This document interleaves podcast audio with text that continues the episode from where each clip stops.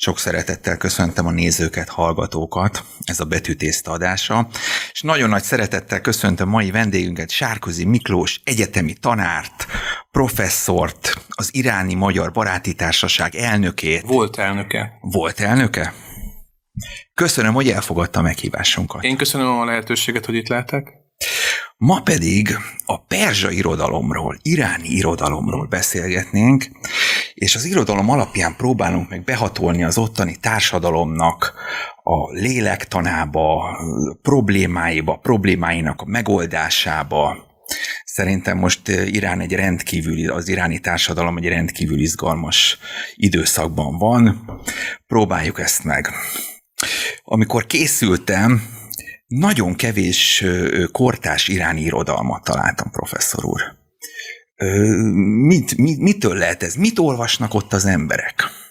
Hát magyarul lehet, hogy kevés, de ez itt tengernyi irodalom. Tehát azt kell mondanom, hogy a, sajnos Magyarországon a mai magyar iranisztika az nem a modern perzsa irodalom felé fordul, és nem ez az erőssége, nagyon kevés szorványosan és elvétve jelennek meg magyarul kortárs perzsa irodalmi alkotások az az érdekes egyébként, hogy ők ott több magyar irodalmat olvasnak persául, mint mi itt magyarul irán irodalmat. E, van egyébként nyilván itt főleg hadméltassam Simon Robertnek a munkásságát, aki ugye 70-es évek elején adott ki egy ilyen perzsa novella, modern perzsa novella válogatást. E, van valamennyi nagyon kevés modern perzsa líra lefordítva, mint Simin Danesvár, akinek a lánya egy ideig az eltén volt lektor, például egy nagyon jelentős, mondja, és János Pannonius díjat is kapott Simin Danesvár egyébként. Egy jelentős kortárs perzsa írón, költőnő és írónő volt. Tehát, de mégis azt lehet, hogy komprehenzív ismeretünk nincsen a modern perzsidalomról, mert még egyszer mondom, e, sajnos kevés a műfordítás.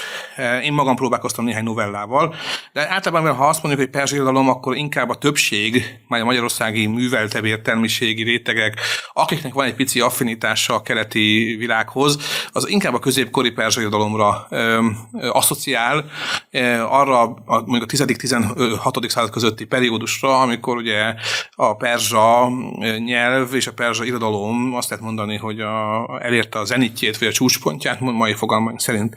Azt azonban szeretném jelezni egyébként, hogy amikor, amikor azt mondjuk, hogy perzsa nyelv irodalom, az nem csupán a mai Iránra korlátozódik tehát ezt fontos hangsúlyozni, hogy az iszlám világon belül a perzsa, mondjuk úgy, hogy kb. 10. századtól fogva a, a, az iszlám világnak a keleti részén, illetve a törökök, különböző nem csupán irány, hanem török népek lakta területeken kivívott egyfajta presztist, ami miatt ezt a kelet-franciának nevezték. Ez azt jelenti, hogy a diplomácia, az irodalom, a, az adminisztráció, a, lev, a, a, a, belletrisztika legfontosabb nyelve lett. Az arabot nem tudta persze kiszorítani a vallási szférából, meg a tudományos szférából, de mondjuk a mai Iránon túl, a mai Afganisztán, a mai poszt-szovjet közép-ázsia nagy részén, a mai Kaukázus vidéken, a mai Indián, a India területén, India és Pakisztán és Banglades területén, és később az oszmán birodalom területén, including beleértve a Balkán félszigetet, és kapaszkodjanak meg a mai Magyarországot.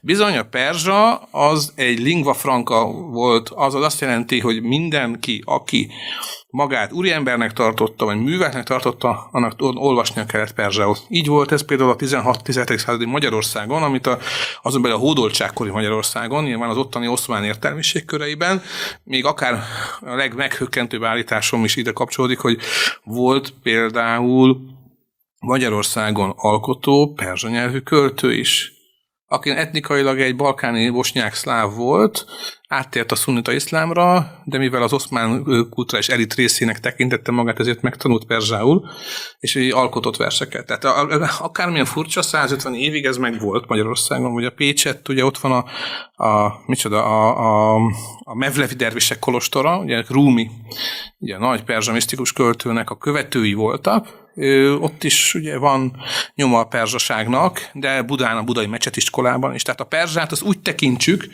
mint egyfajta transnacionális nyelvet. Ez szokás angolosan Persianate literature tehát megkülönböztetendő a Persian-től, ami mondjuk a mai iránt jelenteni, A Persianate, ugye a magyar, magyar után perszofónnak szokás néha a szakadalomban jellemezni, ez a perszofónia, a perzsa hangzás, a perzsa nyelvűség világa.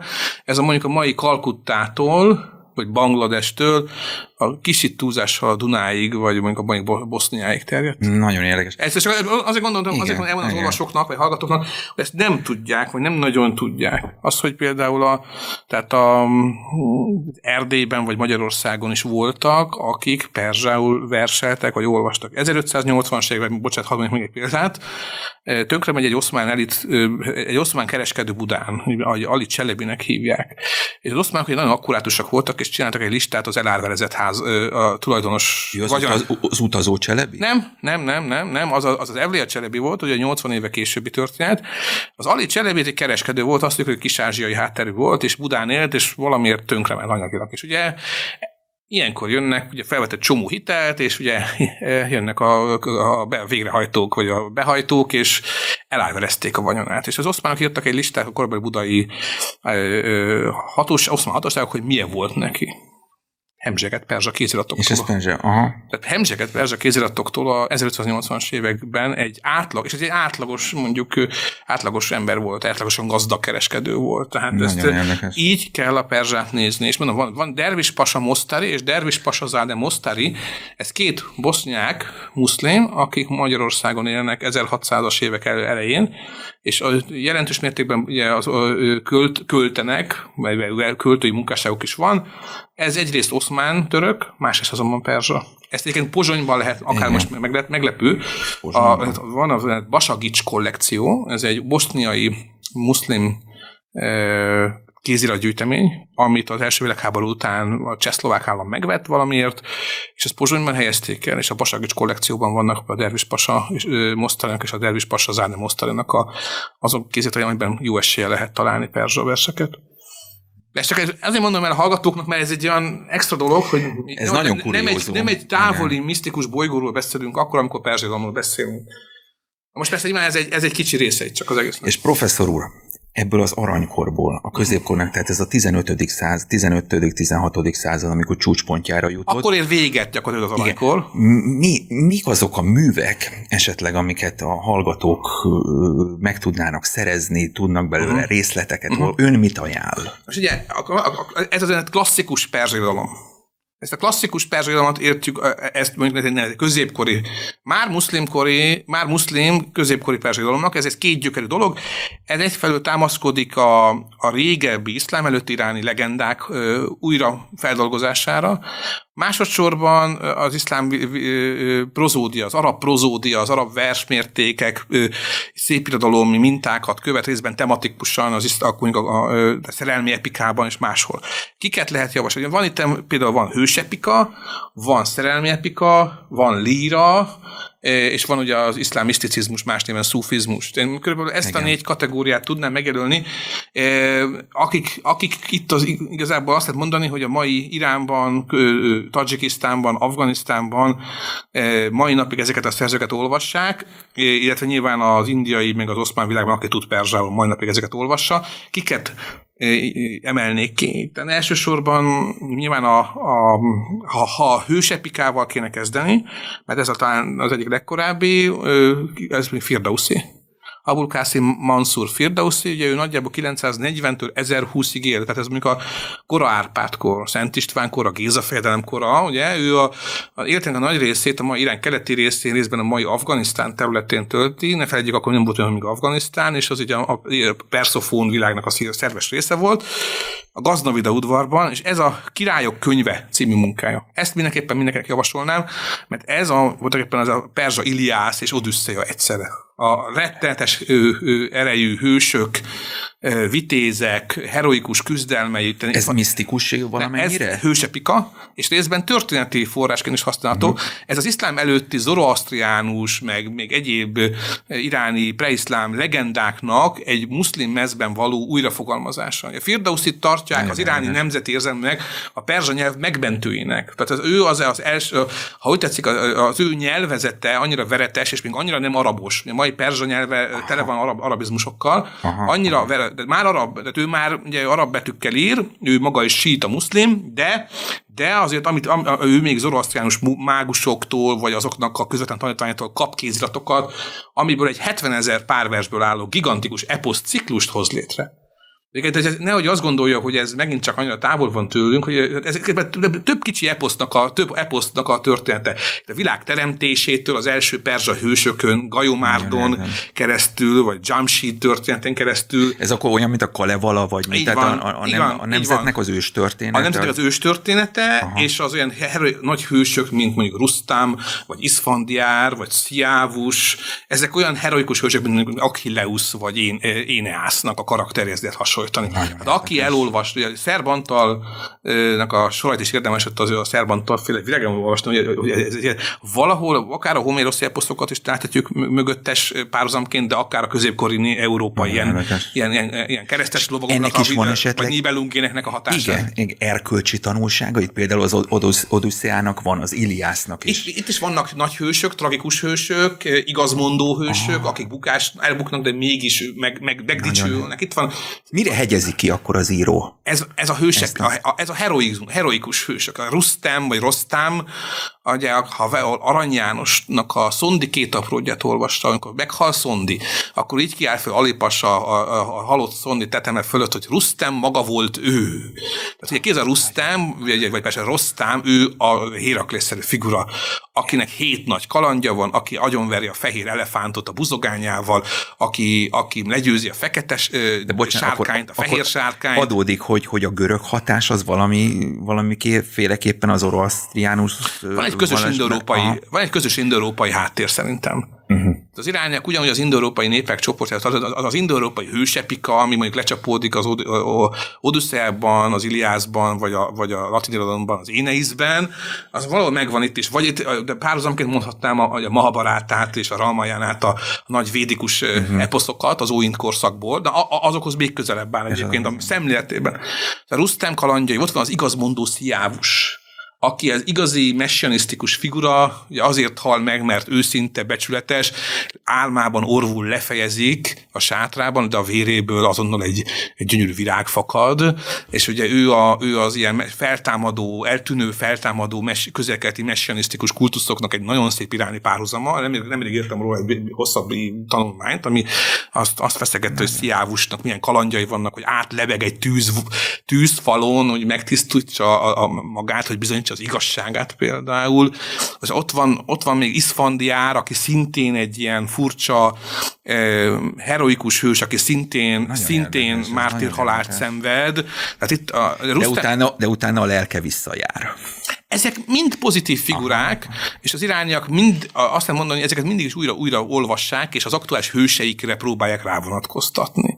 Tehát a, a Firdauszi azért fontos, mert például rengeteg epigonja támad később, tehát rengeteg hős költemény íródott a királyok könyve stílusában, és ugye itt van ugye például az oszmán birodalom, első Szulejmán, nagy Szulejmánnak a udvarában, meg az, az előde udvarában volt egy olyan költőféle, akit Shahnamedzsinek hívnak. Azaz a királyok könyve stílusában író költő.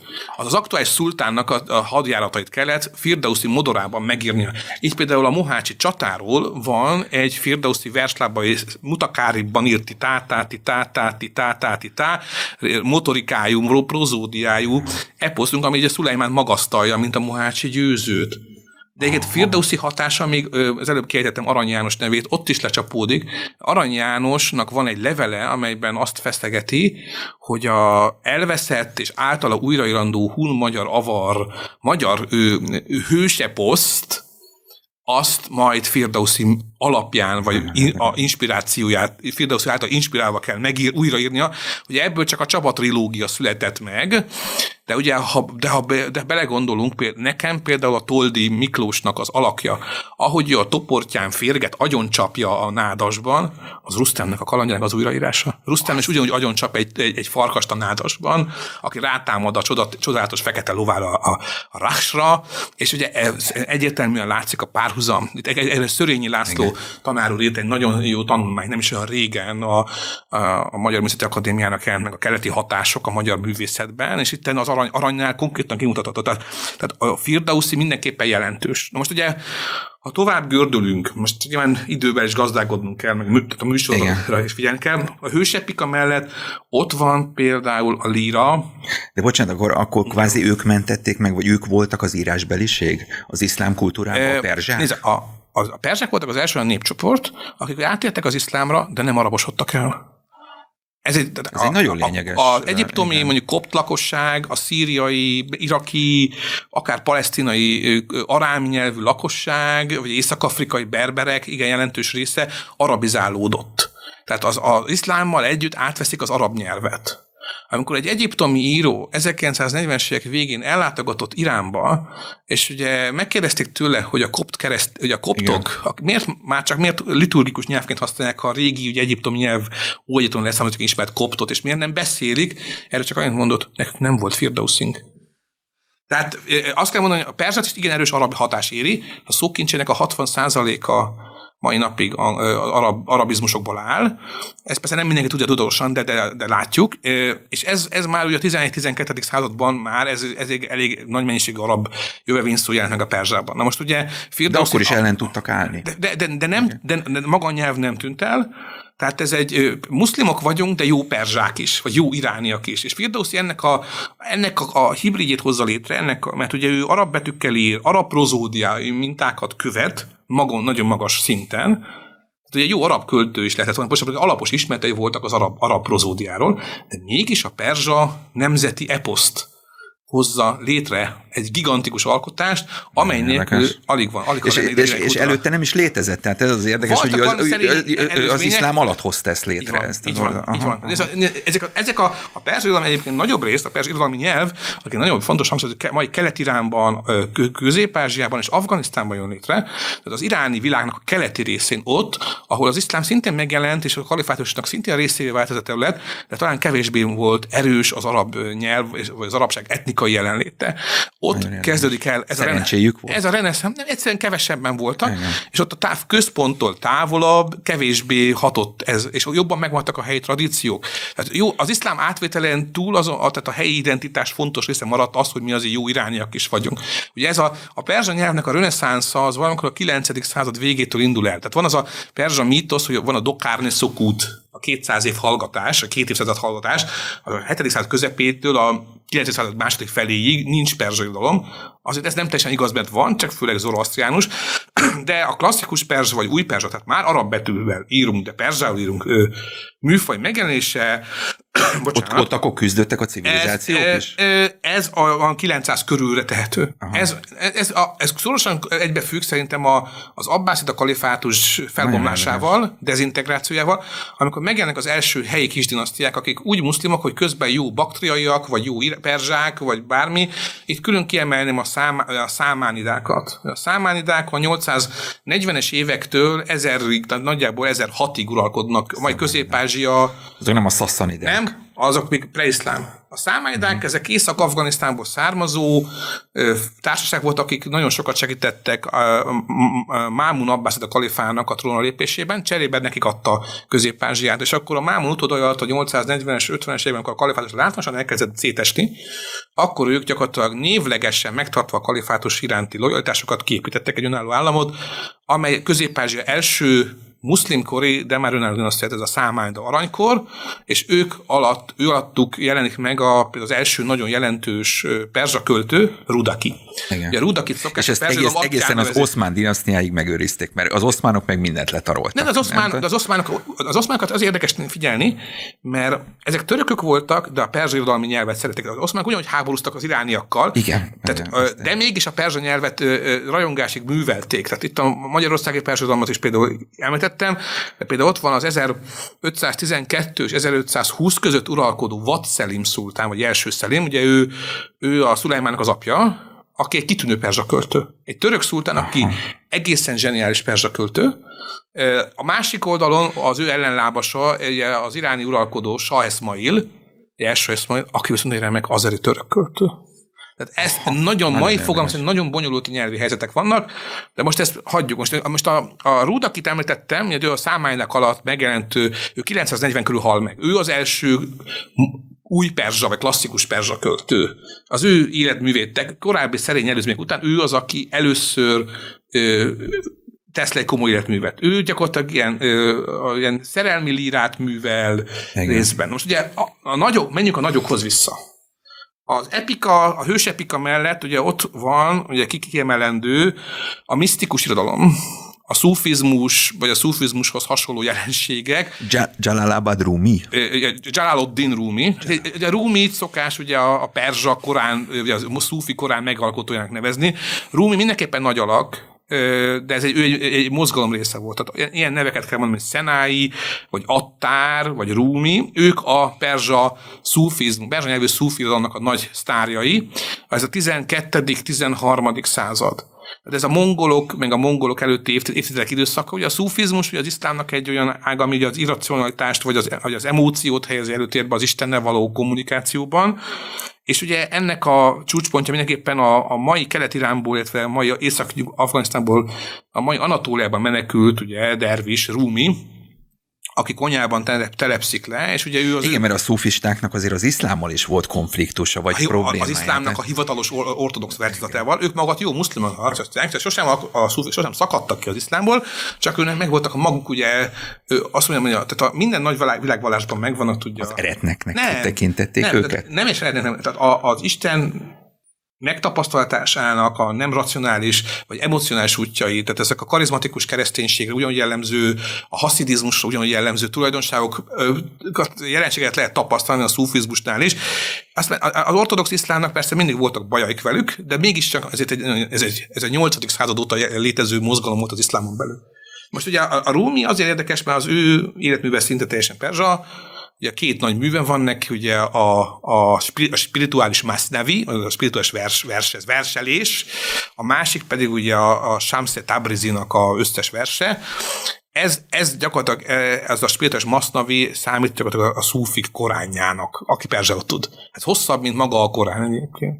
Na most ugye e, a Rumi, e, ugye verseit, ha olvasok, ha valaki nem annyira avatott benne, az első olyan szerelmi verseknek, ilyen, ilyen love songoknak tűnik az egész, mert Istenről úgy beszél, mint az én kedvesem, aki után vágyódom, aki után, aki után, aki, aki, akivel egyé leszek, vagy akivel a szerelme epeszt, után epekedem. Ez voltak éppen ez egy ilyen speciális szufi nyelvezet, mert ugye őket úgy elnyomták, a, Igen. és ugye el kellett leplezniük úgymond a saját nézeteiket, tehát ezért ilyen szerelmes versekbe csomagolt de, de, szak, szakrális sok, nyelvet hoztak létre. Sok ilyen példaverset olvastam, Igen. hogy ö, például miért, miért tekinti hitehagyottnak egy igazi muszlim egy szufit. Ez, ez, mindig, ez az iszlám sem egységes, sosem volt egységes volna. Hogy jött létre, vagy mi a, mi a, a viszony a három között, tehát a síta iszlám, a szunnita és a szufizmus között? Szufizmus van a szunnita iszlámban is, és van, van a síta iszlámban is. Hát igazából ezt úgy kell nézni, hogy a... a szuf... És ott nincs egység? Tehát a szufizmus nem hozza egységre a szunnitákat és a sítákat valamilyen szinten? Nem, igazából a szufizmus az... Tehát nekik is az, megvan a szufizmusuk, meg van. a másik. Aha. az iszlámot szerintem ötféle módon lehet felosztani, tehát lehet a felekezeti, mint a protestáns, katolikus, ortodoxhoz hasonló síta, szunnita és egyebek. Lehet ugye a jogi iskolák szerint, ugye, lehet ugye a teológiai iskolák szerint, lehet a misztikus és nem misztikus iszlám szerint felosztani, ide tartozik a szú, vagy szufi vagy, vagy nem szufi vagy, és lehet ugye, is van a modern iszlám, iszlamizmus, vagy iszlám radikalizmus, ugye, mint hatodik, ugye, vagy ötödik csoport. Most ugye a szufizmus ilyen szempontból egy minden, az iszlám minden felekezetén megjelenő mozgalom volt. Ez mondom, Istennek az emocionális, extatikus megtapasztalását jelenti. Ez persze de több mint 43 vagy 40 um, szufi dervisrend van, tehát annak a, hogy ez ki mit ért emóció alatt, az rendenként változik. Tehát a, a, a, azért a, a legtöbbnek a lényeg az erőszakmentesség?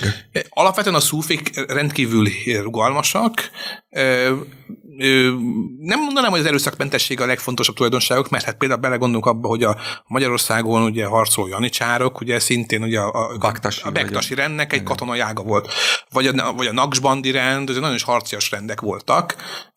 Például, tehát, de voltak nyilvánvalóan pacifistább irányzatok. inkább azt mondanám, hogy ők nagyon sokat kölcsönöznek más vallásokból, tehát akár a, a zsidó vallásból, a buddhizmusból, a kereszténység bizonyos ortodox csoportjaitól, általában véve, általában véve disznóhúst tesznek olykor, vagy alkoholt fogyasztanak, vagy esetleg más, ők a szufizmus hozza be a kávéfogyasztást az iszlám világba.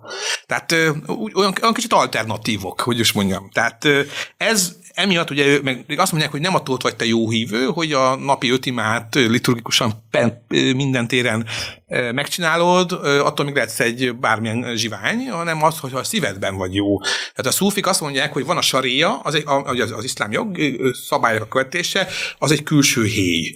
Van az út, a tarika, amin ők járnak, és van a belső, és, a hak, és el kell jutni hova a hakhoz, vagy hakikához, magyarul az, az, az, az igazság, ami egyelő Isten. Ugye, a, leg, és a csúcsa a szufizmus vallási felfogásának az, a, az arabul a vahdat al a létezés egysége, annak a megtapasztalása, hogy az emberi Ö, hát ez már azért egy kicsit a hindu hatás, nem? Abszolút. Meg a buddhista. Tehát a, az igen, emberi lélek be, bele kell, hogy olvadjon, vagy össze kell, hogy olvadjon Istennek a nagy lelkével. Tehát ez a, ez a fajta ö, mámoros megsemmisülés vágya, hogy az Isten elérem azt a fajta emelkedett létállapotot, a, a, ami, amiben az én lelkem ö, ö, ö, beleolvad. Most, bele... most az ő hatásuk milyen? Kifelé, ez, ez, kifelé szorulnak az iszlámból? Vagy, be, me, ők vagy, vagy ugyanannyi a... Virág, egy virágzó populáris virágzó? mozgalom, de nem egység lehetséges, mert tehát ugye ez, ez igen, valahol igen. a szufizmus egy, mint mondom, egy csomó ilyen mágikus elemet, népi vallásosság, vagy más vallásosságokból átemelt néprajzi elemet hoz be, és az Észak-Afrikától Indonéziáig, és Közép-Ázsiáig, és Kínáig más és más formában manifestálódik. Na most ugye ennek az első, a nagy virágkora a 12-13 század volt, itt különösen a mongolok érdekesek, mert a mongolok szétverik a szunita iszlámot, és a szufizmus akkor borzasztóan népszerűvé válik, mint vagy vigaszadó vága az iszlámnak. Aha.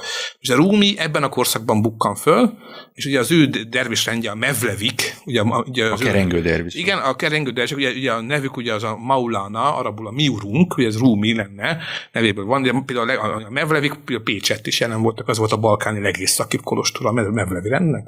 De ott van, ugye ott van még Attár, talán kevéssé híres, mint mondjuk Rumi, vagy ott van Szenái, ezek ugyanúgy igen jelentős perzsa költők voltak, akik a szufizmus mozgalmát jelképezték.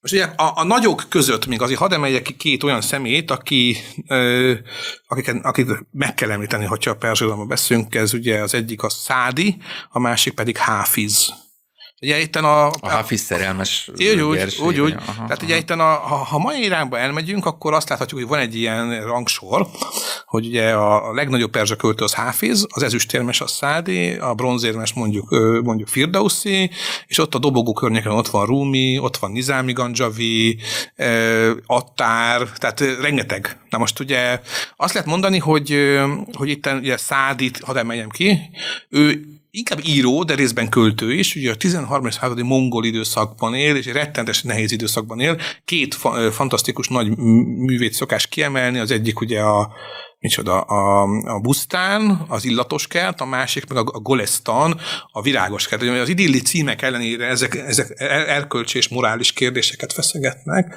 tehát a királyok erkölcseiről szóló fejezet. Ez, ez, ez, ez, ez egy nagyon ez kemény nagyon szöveg. Ez igen. a mongolok által letarolt közel-keleten, voltak éppen ugye Szádi járja. Ez egy bűnkeresés? Önvizsgálat. Önvizsgálat. Önvizsgálat. A Szádiról azt tudjuk, hogy sokat mászkált, sokat vándorolt, és leginkább rengeteget társalgott különböző embercsoportokkal, a mongolok által szétkergetett, kisemmizett emberek tömegével találkozik, egy ideig állítólag a keresztesek fogságában vergődik, máskor azt mondja, hogy Indiában bukkan föl, modern filológia nem mindenben tudja ezeket elfogadni, ezeket a meséket, de mindenképpen és akkor érett fejjel visszamegy sírázba, de, és akkor ott írja igen. meg ezt a két nagy művét, és ezek, ez ezek, ezek nagyon részek, a, a Golestan az megvan magyarul teljesen, azt ajánlom mindenkinek, fönt van a neten, nagyon kemény kérdésekről beszélnek arról, hogy mi, mikor jó-e például a kegyes hazugság. Ez van egy olyan történet, ugye, hogy van egy egy fiatal ember. Ez példázatokba? Ezek ilyen tanmesék, tanmesék, ilyen gnómikus történetek. Van egy, van, elmondok egy röviden egy ilyen sztorit szállító, szóval, hogy van egy fiatal ember, aki az ellenséges törzsből esett fogságba, és oda viszik a király elé. Most azt mindegy, milyen király elé, az nem lényeges ebben a történetben. És akkor, azt, és akkor elkezdi átkozni a saját maga nyelvén a királyt, és ugye a király nem érti a, ennek az ellenséges törzsbeli fiatalembernek az anyanyelvét, és megkérdezi a két, két vezíre ott van, hogy mit mond ez? És akkor az egyik azt mondja, hogy hát uram, az, ez a férfi téged magasztalt és dicsért és, és magasztalta a te tetteidet. Mire ugye az, a, a, a, a rivális vezír, ugye, hogy még ugye, jobb pontokat szerezzen az uralkodónál, közben hogy uram, ez a vezír, ez hazudik. Hát ez értem, ez téged itt össze-vissza szidalmaz, meg, meg, meg, meg gyalázott téged, és erre azt mondja a király, jobban tetszett nekem az az első szó, amely arról beszélt, hogy azt állította, hogy ez a fiatalember dicsért engem, mert néha az igazság kegyetlenebb, mint a jó szándékú hazugság. Mert hogyha jó, szánd, ha jó szándékúakat veszem, akkor ezt a fiatalembert most akkor nem, vég, nem végeztetem ki. Ha az igazságot nézem, akkor ki kell végeztetnem. Úgyhogy hagyom, vagy a másik, van, van, vannak még ilyen történetek, hogy a vérvízzé nem válik, nagyon kemény történetek. Tehát vannak olyan történetek, amik a mai politikai életünkben sem... Lehet, lehet azt mondani, nem lehet hogy... igazából, mai áthalások vannak ezekben a Szádinás. Szádi nagyon fontos. Ez az, hogy lehet azt mondani, hogy az az első társadalom kritika? Hát abban a korban mindenképpen. Ugye, a Szádi... A Vagyis úgy, hogy előtte nem volt. Hanem ilyen mértékben nem. Igen. Tehát uh-huh. Szádi a perzsidalomban jellemző heroizmus vagy idilli érzés helyett egy ré, rémesen hideg dolog. Ugye, 1259-ben adja ki azt Mint a, a Machiavelli a fejedelem. Egy, egy évvel Bagdad mongol elpusztítása uh-huh. után, ami az iszlám világ szívét ugye találta telébe, meg, meghalt 600 ezer ember tehát akkor tényleg egy világvége hangulatban igen, él egy igen. ember sírázban, Irán déli részén. Tehát kellett magyarázatot találni. Kellett, vagy valahogy ezt, De igazából ezt, ezt, ezt ő, ő nem vigasztal, ő nem traumát. vigasztal, csak uh-huh. gondolkodik. Aha. És sokat beszél, és beszélget emberekkel. Beszélget emberekkel. És ezeket a dialógusokat foglalja össze ilyen gnómikus sztorikban. Nagyon ajánlom mindenkinek. Mondom, a politika, a politika természetéről vallott olykor cinikus, olykor megrázó történetei mai napig olvasmányosak, és a interneten a, tereb, a terebes.hu oldalon meg lehet találni. A, akit még ki kell emelni, az Háfiz, Hát Háfiz azért, igen, még Szádiról annyit egyébként, hogy Szádinak az első propagátora a nyugati angol száz világban Rehacek Ede nevű újvidéki magyar származású honfitársunk volt a 19. században. Csak had, hadem, hogy ha valaki Edward Rehacek nevét meglátja az első szádi fordítások alatt, az, az nem jön rá, hogy ez Rehacek Ede, és egy újvidéki magyar volt bizony, aki élete végén átért a hinduizmusra, és elhamvasztotta magát a, a Ganges partján valahol, vagy, vagy Bombayben, azt hiszem. De ez egy érdekes megjegyzés. Na most a másik fontos dolog, ez Háfiz. Háfiz tartják a legnagyobb perzsa költőnek, aki 1320-tól 1390-ig ért nagyjából, tehát mondjuk a magyar történelemben Anzsukori. Tehát mondjuk úgy, hogy Háfiz, ugye sokan azt mondják, hogy ő a nagyon perzsa szúfi költő. Nem, nem biztos, hogy szúfi költő, mert a költészetében a, a nagyon is profán és nagyon is erotikus sorok keverednek, vagy az alkoholizmusra utaló sorok keverednek a, az istenes sorokkal. Egy versen belül. Ugye ő a gazalnak a, a nagymestere. A gazal, ugye az már Háfiz előtt létező ugye, műfaj volt, ami micsoda, ez egy ilyen AB a, A, B, A, C, A, D, A típusú rímelésű, rímű arab prozódiájú verstípus, és ebben ezek, ezeket a gazaljait, amiből kb. 400 van, ezekben a korábbi morális kérdéseket ö, ö, ö, ö, feszeget, hogy összekacsint az emberekkel, hogy ti is, én is olyan, a rendőrt se bántsátok, mert ő is ott, ott iszik a kocsmában, ugye? Tehát a, ugye a, Ez a Hafiz? Hafiz. Tehát Hafiz aha, aha. hol nagyon emberi, hol nagyon istenes. Tehát a, a sírázi török szépen Hol nagyon venni, érzéki? Igen. Ha sírázi török szépen kezébe venné szívünket, hát hindu szépség foltjait odadnám néki Szamarkandot és Bukharát, ugye? Ugye a, vagy, a, vagy a másik ilyen verse, ugye, hogy ó, kocsmáros, pörgesd a kehelyt és add körbe, mert a szerelem könnyűnek tűnik elsőre, de aztán jönnek a problémák. Vagy a rózsa, keblen, bora kézben, s a kedvesem a vágyban, egy ilyen napon nékem szolgám a szultán a világban. Tehát ennél borisszább, profánabb, mondénabb sorokat alig lehet. A vége pedig ugye miről szól, hogy, hogy ugye, hogy ó, Háfiz, hát gyöngyöt fontál, és szépen énekeltél, és akkor a, a, a dalodra majd a fiastyúk ontja a csillagait. Tehát az egész át tud menni patetikusba. Tehát Háfiznek az a, az a trükkje, bocsánat, hogy ő, hogy ő kétségek között kétségbe az olvasóját, hogy most Istenről vagy az emberi tulajdonságról beszél, hogy a, a, a nőkről beszél, vagy a borivásról beszél, vagy aha, a korrupt aha, rendőrről aha, beszél, vagy Istenről beszél. Tehát ő, ő, ő, ő egyébként az egész élete teljesen unalom. unalom. Tehát ő, egész, ő is, ha mint Szádi, ő is sírázból származik, egész életét ott, ott töltötte. De élete, életedben semmi rendkívül nem történt, ő egy tanár volt, ugye a, a neve, hogy Háfiz, ugye az egy, egy megtisztelő titulus volt, mert a Koránt kívülről tudta, könyvmásoló és tanár volt. És a, de a, már az élete vége felé klasszikussá vált. Tehát ő döbbentes hatással egy generáción belül már igen, ismert valaki igen, válik, és igen. őt tartják a gazal, és általában a perzsai a legnagyobb alakjának, itt igen megint lehet magyar inspirációs hatásokról beszélni, mert itt van Csokonai. Csak, Csokonainak a Háfiz sírhalma című verse, ugye ez egy ilyen, valahol az antik kardal, a görög dráma kardalának és a perzsai egy furcsa hibridje, Csokonai maga is ugye perzsa prozódia szerint írt verseket a Reményhez című verse. De ebben a kardalszerű költeményben Háfizt magasztalja. És csak azért mondom, mert mostan ugye Háfiznek a sírja ott van, ugye sírázban Diliránban, és most nemrég föletállítva egy magyar emlékmű amely csokona, egy csokonai emlékmű a sírjánál. Tehát nem kis húzavona és bürokratikus. rólunk, hogy Igen, igen egy kétnyelvű magyar perzsa emlék. Nem Aha. volt egyszerű, azért tegyük hozzá, az iráni bürokrácia az egy érdekes dolog, de azt kell mondanom, hogy tehát, Háfiz a legnagyobb költő. Tehát a, ha valaki például iráni ismerőse van, akármilyen vallású, keresztény, vagy zoroasztriánus, vagy muszlim, ha elmegy hozzá iráni vendégségbe, mondjuk akkor Háfiz kötet mindig Legalább van. kötetet fog találni. Igen, Aha. vagy ha elmegy egy iráni új évre, Nóru Nóruzra, az a március 21-i tavaszi napi egyenlőség ünnepére, ott az asztalon mindig van Háfiz kötet. Háfizból jósolnak, akkor online is lehet, ilyen, ilyen fale hafez, de nem megy az ember ilyen sírázból, olyan papagájjal húzzák ki, szegény emberek húzatnak ki cetlét, és akkor el lehet olvasni. Ez, ez nyilvánvalóan az a népi babona eset, tehát ez nem mindenkinek szimpatikus,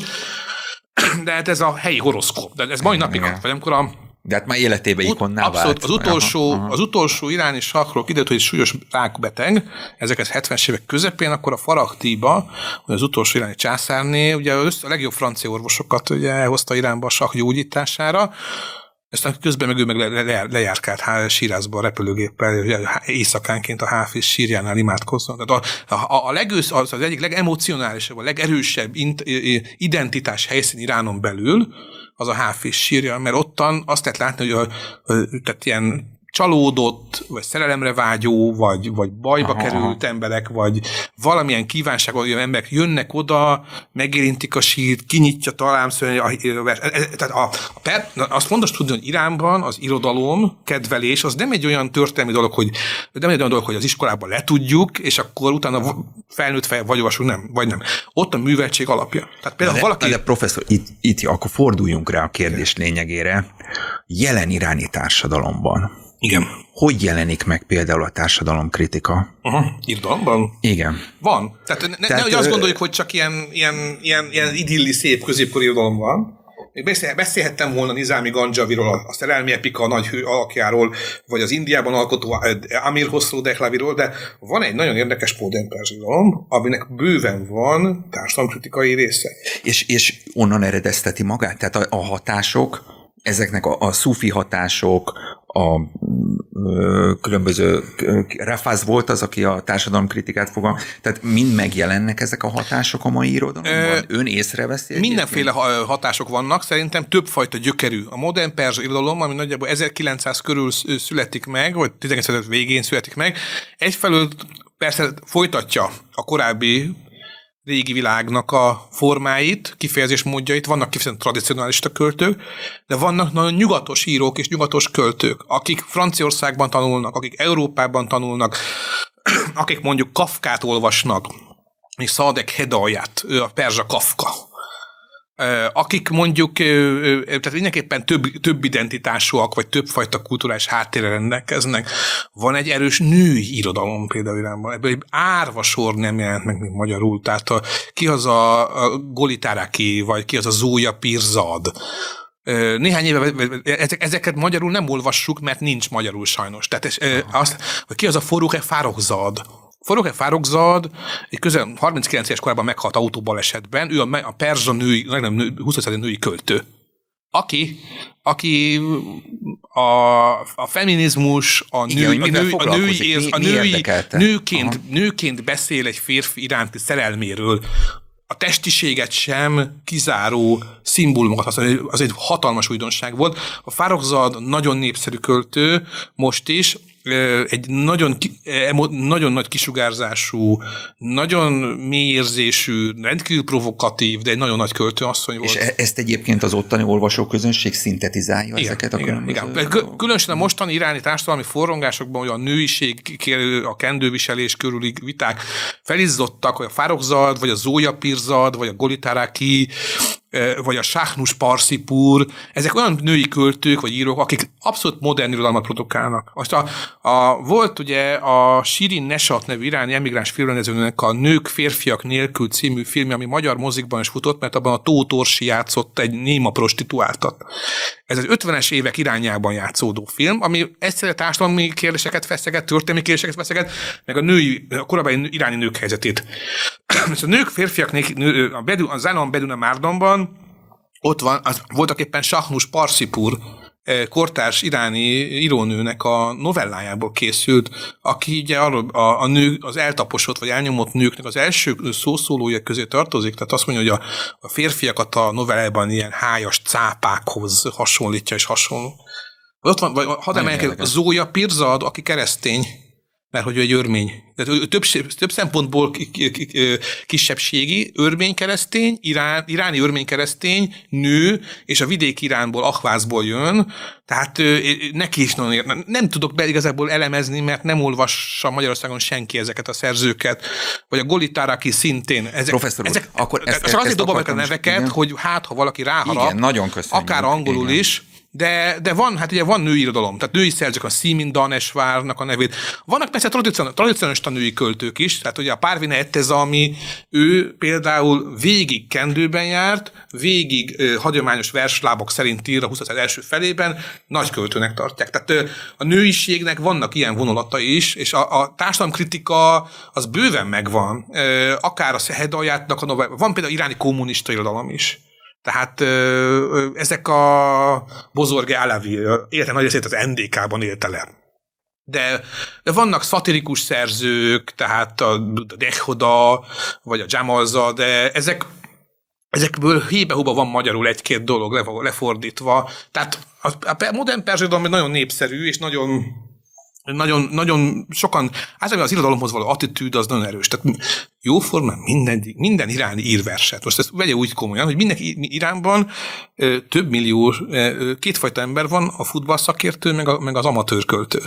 Nagyon és ez, ez nagyon, klassz, nagyon komoly ennek most ezen lehet, hogy nevetgélünk, de ha egy iráni például meg akar, Ez a kettő, ez minden iráni ért. Így van, így van, és magát is költőnek tartja. De például, ha egy iráni ő, szembesül velem, hogy én beszélek perzsául, akkor ő úgy, akar, letesz, úgy teszteli le az én ö, műveltségemet, hogy nem azt kérdezem meg, hogy mit tudod, hogy mikor ért a Darius, vagy a Bassa, hanem azt, hogy tudsz-e verset, Tudsz-e háfizt? Nagyon. Tudsz-e háfizt, és hallottál-e már háfizról, vagy szádiról, és akkor mondjál, mondjál nekünk verset. Magyar is egy nagyon verselő. Ez így van, de, de például háfiz, mi azért nem járunk ki a Vörös Martinak, vagy az Aranyásnak a sírjához havi rendszerességgel. Ők kijárnak. Aha. Tehát az, a Firdauszinak, a Háfiznak, a Szádinak a, a sírja, vagy akár Rumi sírja ugye Konyában, ezek nemzeti zarándok helyek. Tehát ezek ilyen, ilyen, ha is mondjam, ilyen, ilyen gyógyító hatású, csodatévő szentnek tartják ezeket a helyeket. Tehát Magyarországon minden, minden, minden évben van ilyen vers, kalligráfia verseny, ahol a háfiz verseket kell... És ez or, or, óriási országos népszerűség, több millió ember, van, vagy több tízmillió. Így van, aha, és akkor az összeseknek az alkotását bólókra nyomják. Van ugye például olyan, olyan, olyan játékok is vannak, hogy tehát az, az, az utcaseprőtől kezdve egyetem, vannak emberek, akik több száz háfiz verset tudnak, és azt játszák, hogy ki tudja tovább. Tehát mondok egy sort, te mondjál egy sort ö, a, ugyanazzal a, Igen. ö, a versből, vagy ugyanabból a, a, ugyanazzal a szóval, amivel végző. És akkor az győz, aki tovább tartja. Nagyon Ezt a, ez, ez, ez nagyon érdekes. Tehát azt kell mondani, hogy itt a legegyszerűbb emberek is nagyon sokat tudnak a perzsidalomról. Most ugye, e, amúgy, de ez azt szempontból pozitív, mert ők egyébként a mai Iránban hallatlanul nagy a nyugati irodalom is. Tehát azt gondolják, hogy egy zárt ország, hogy ez egy, egy micsoda, egy ilyen diktatúra, az, az is. De e, a cenzúra az nem mindig működik jól, és hát a, a, például a, ami mindig nézik azt, hogy a nyugat-európai irodalomban mi most a sláger. Uh-huh. És azokat mindig lefordítják. Az nem mindig, nem mindig sikerül találni anyanyelvi fordítót, akkor mondjuk a Nagyon érdekes. De magyar... szamizdatban megjelenik? Vagy Nem, valami? ö, ö, többségében, hivatalosan? teljesen, igen. Tehát ö, Gabriel Garcia Marquez-től kezdve mondjuk a, szá, a bár, Száz év magány, száz év magány, az bőven már kijött. Sőt, magyar irodalomban. Most ugye, tehát mindig nézik azt, hogy mik vannak az európai olvasmányos toplisták élén, mik az Nobel-díjasnak, az Kertész Imre sorstalansága megjelent.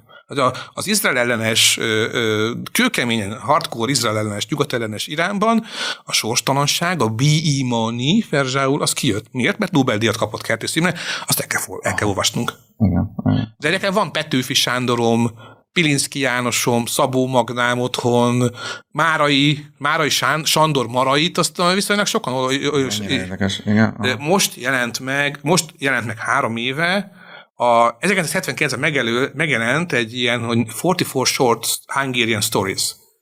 44 magyar novella. Mhm. Ezt három éve egy iráni kiadó egy ilyen, a 44-ből 30-at egy ilyen tömörített, tehát kiadott nem az egészet, de kiválogattak 30-at, és angolból lefordították. E, És ez most, most, most három éve jelent meg. Tehát Tersánszki Józsi Jenő, meg Palotai Boris, meg mondjuk Kosztolányi, meg Örkény. például Örkénynek az, a, Az egypercesei jó Egy volna? percesen megvannak, és az Isten hozta őrnagy urat én már láttam színpadon is Iránban, a Teherán Nemzeti Színházban. Tehát ez Irán egy nehezen leírható, Akkor ön furcsa, szerint értik a magyar, magyar kultúrát? van recepciója, Vagy ez- mondjuk aha. úgy. Tehát Van a, az Isten hozta őrnagy úr, aha. az tökéletesen adaptálható az iráni ö, ö, ö, hipokrízishez. Tehát, hogy van egy hivatalos valóság, és azzal nem igen, nem egy, nem igen köszönő összeben lévő másik valóság, és az Isten hozta őrnagy úr tökéletesen adja ezt. Én ott ültem a nézőtéren, és láttam azt, hogy az emberek És ezt hozták ki belőle? hozták, igen, Nagyon igen. érdekes. Tehát a, a tót, őrkény tótékja, Igen, igen, és a, igen. az Isten hozta őrnagy úr filmadaptációval, ugye azt, azt látták, mert a, a, sikerült egy Latinovics klón találni a színpadra, arra már pontosan emlékszem. 2000, és mostában láttam, 2008-as történetem. De például már olvastam Pilinszkit is ö, ö, perzsául, tehát ami azért, azért ez egy, ö, nem mindig azt hozzák ki. Tehát most például ennek a, Persze, ennek persze, a 44 persze, persze. magyar novellás kötetnek a perzsa verziójának azért Mária Teréziának egy koronás képét tették rá. Igaz, magyar korona van fején, hát ezt nem találták el, de bocsássuk meg nekik, törekszenek arra, de, de tehát, hogy... Hát de az a jó, hogyha önmagukba tudják szívni, és a Igen. saját, kicsit átalakítják a saját gondolataik, vagy, vagy a Nagyon érdekes látni azt, hogy tehát ez, a, ez alapvetően az irodalom szeretetből fakad. Ö, és hát, de ez megvan más, tehát a más nyelveken. De akkor ott, ott irodalommal politizálnak? Ez nagyon jó mondat volt. Hát ha megnézi például a, a, a különböző tüntetéseket, akármilyen mostani tüntetéseket, az irániak vers ritmusokban skandálnak tiltakozó frázisokat. Tehát a dolete kudeta estefa estefa pucsista állam, mondjál le, mondjál le. Aha. Vagy ilyen volt, még a mostaniban Tehát volt. erre az Én, én, igényességük, én ezeket ez- ez gyűjtöm. kell? Aha, ezeket aha. gyűjtöm. Tehát ilyen, rí, ilyen rímelve skandál, rímekbe szedik a, a tiltakozó frázisaikat. Most a mostaniban volt ilyen, hogy ugye Márkbár Szetámgár, ö, ö, hogy is van, ö, ö, a halála elnyomóra, halála zsarnokra, ö, ö, Csesakba se cserákbár. Tehát a halál az elnyomó, Márkbár Szetámgár, Csesakba se cserákbár. Aha. Ez egy látszik magyaros érzők, hogy rímel, hogy a halál az elnyomóra, akár sakk az illető, akár vallási vezető. Kész. Tehát ezeket a ezeket ő, ők azt kell mondani, hogy a hallatlanul emocionálisak és hallatlanul költői lelkek. Tehát te, ennek megvan a maga naivitása is olykor, de azt gondolom, hogy ez ö, ez, ez a múltjukból fakad, és, igen, és igen. E, e, De azért a hősiessége is megvan az ennek, meg, abszolút a, meg, meg abszolút a, Heroi, a, a, heroi, a heroizmus, a, má, tehát voltak éppen a mártírok kultusza, a hősök, az igazságért elhaló mártírok kultusza, meghalt mártírok kultusza, ez most újra termelődik. Most itt a Max Amini lett például az egyik ikon. Max Aminit száz év múlva sem emlegetni fogják, és valószínűleg őt versekbe fogják foglalni. Egy, egy vidéki kurd lány, aki meghalt ártatlanul, és ugye az ő verseit, ugye az ő, őről szóló versek, vagy novellák, vagy irodalmi művek, ezek, vagy dalok, már, már vannak, például vannak igen, dal, igen, dalok, igen. ezek tovább fognak élni. Ez voltak Nagyon éppen érdekes. a folklórnak a részévé válik a szemünk igen, láttára. Akármennyire is és, rögtön, és ők akarják is, hogy a folklór részé, az irodalmi folklór részévé is Mert vannak azok az arhetipusok. Iránban az a helyzet, hogy például az irányak nem nagyon jó kronológiában nem annyira tudja egy irányi megmondani, hogy mikor élt az első Abbás sak, vagy mikor élt a, a, a, a, a mit tudom én, a Gaznavi Mahmud, vagy a, az első Sápur. De azt viszont mindig a, azokat a heroikus legendákat, azokat igen, jól ismerik. Igen, igen, és mindig ugyanazokat a legendákat adják elő, csak más fősöket tesznek bele. Tehát ez a, most mondok egy példát, hogy egyszer találkoztam egy ilyen egyszerű vidéki irányi asszony a Sirász környékén, ahol van egy erőd, az a neve, hogy Kalédoktár, magyarul a leányvár. Magyarországon is van egy leányvár, és megkérdezte, ez, egy igen, ez egy, ez egy paraszt asszony, most megkérdezte, tudod, tudod a fiam, hogy honnan van a neve, mert láttad, hogy beszél perzsa? Na, hát azért, mert az arabok azt mondták, hogy azt olvastam, hogy az arabok elő ide menekült a perzsa nemesség, és oda rejtették az asszonyaikat, a lányaikat. Az, hogy nem így van, az fiam. Azért lett ez leányvár, mert amikor a britek 1940-ben elfoglalták Díránt, vagy 41-ben, akkor oda menekették a, a, a, díráni lakosok a, a lányaikat. Tehát látszik az, hogy az aktuális ellenség behelyettesítik az aktuális eseményekkel. Tényleg? Tehát ez egy nagyon érdekes tapasztalat volt. De lehet, hogy nem történt meg ez a második? Val- valószínűleg egyik sem történt meg. Valószínűleg egyik sem. Aha. Csak ugye, ugye ő már nem hallott a szászánydákról, de igen, még a britekről hallott, igen. mert akkor egy gyerek volt még. Igen, ez a szóbeliség, ez, ez, ez Archetikusok vannak. Igen, igen, igen. Tehát ez, a, ez, a, ez, a, ez az orális kultúra, ez a igen. folklór, mítosz és irodalom keveréke. És állandóan szövődik tovább, és, és behelyettesítve. Ez nem zárult le. Görül, ez igen, nem zárult igen. le. Nem zárult le. Nagyon érdekes. Mert itt Európában azért meg lehet nagyon erősen húzni a határvonalakat, és talán most is így van, de ott meg így, így görög tovább. De, de má, ugyanakkor a másik az, hogy... Ez, ez egy pneumatikus, akkor ez abszolút, sokkal inkább. Aha, aha. De a másik az, hogy az időbeliség hiánya az úgy is érdekes, hogy egy 600 évvel ezelőtti, vagy 700 évvel költőt olvasnak most is. Nyilván a nyelv az állandóan változik. Tehát minden generációban valami változik a nyelvben. És ugye nyilván igen, egy 700 igen. évvel ezelőtti perzsa nyelv az eléggé eltér mostanitól, de mégis olvassák, és mégis értik, vagy érteni vélik. Most Igen. Gond, és nem tekintik olyan szentnek, hogy ne nyúljanak hozzá. Tehát az aktuális történeteket is Nem antikvárius érdeklődésből, Igen. hanem a lelki érdeklődésből olvasnak Háfiszt vagy szádit.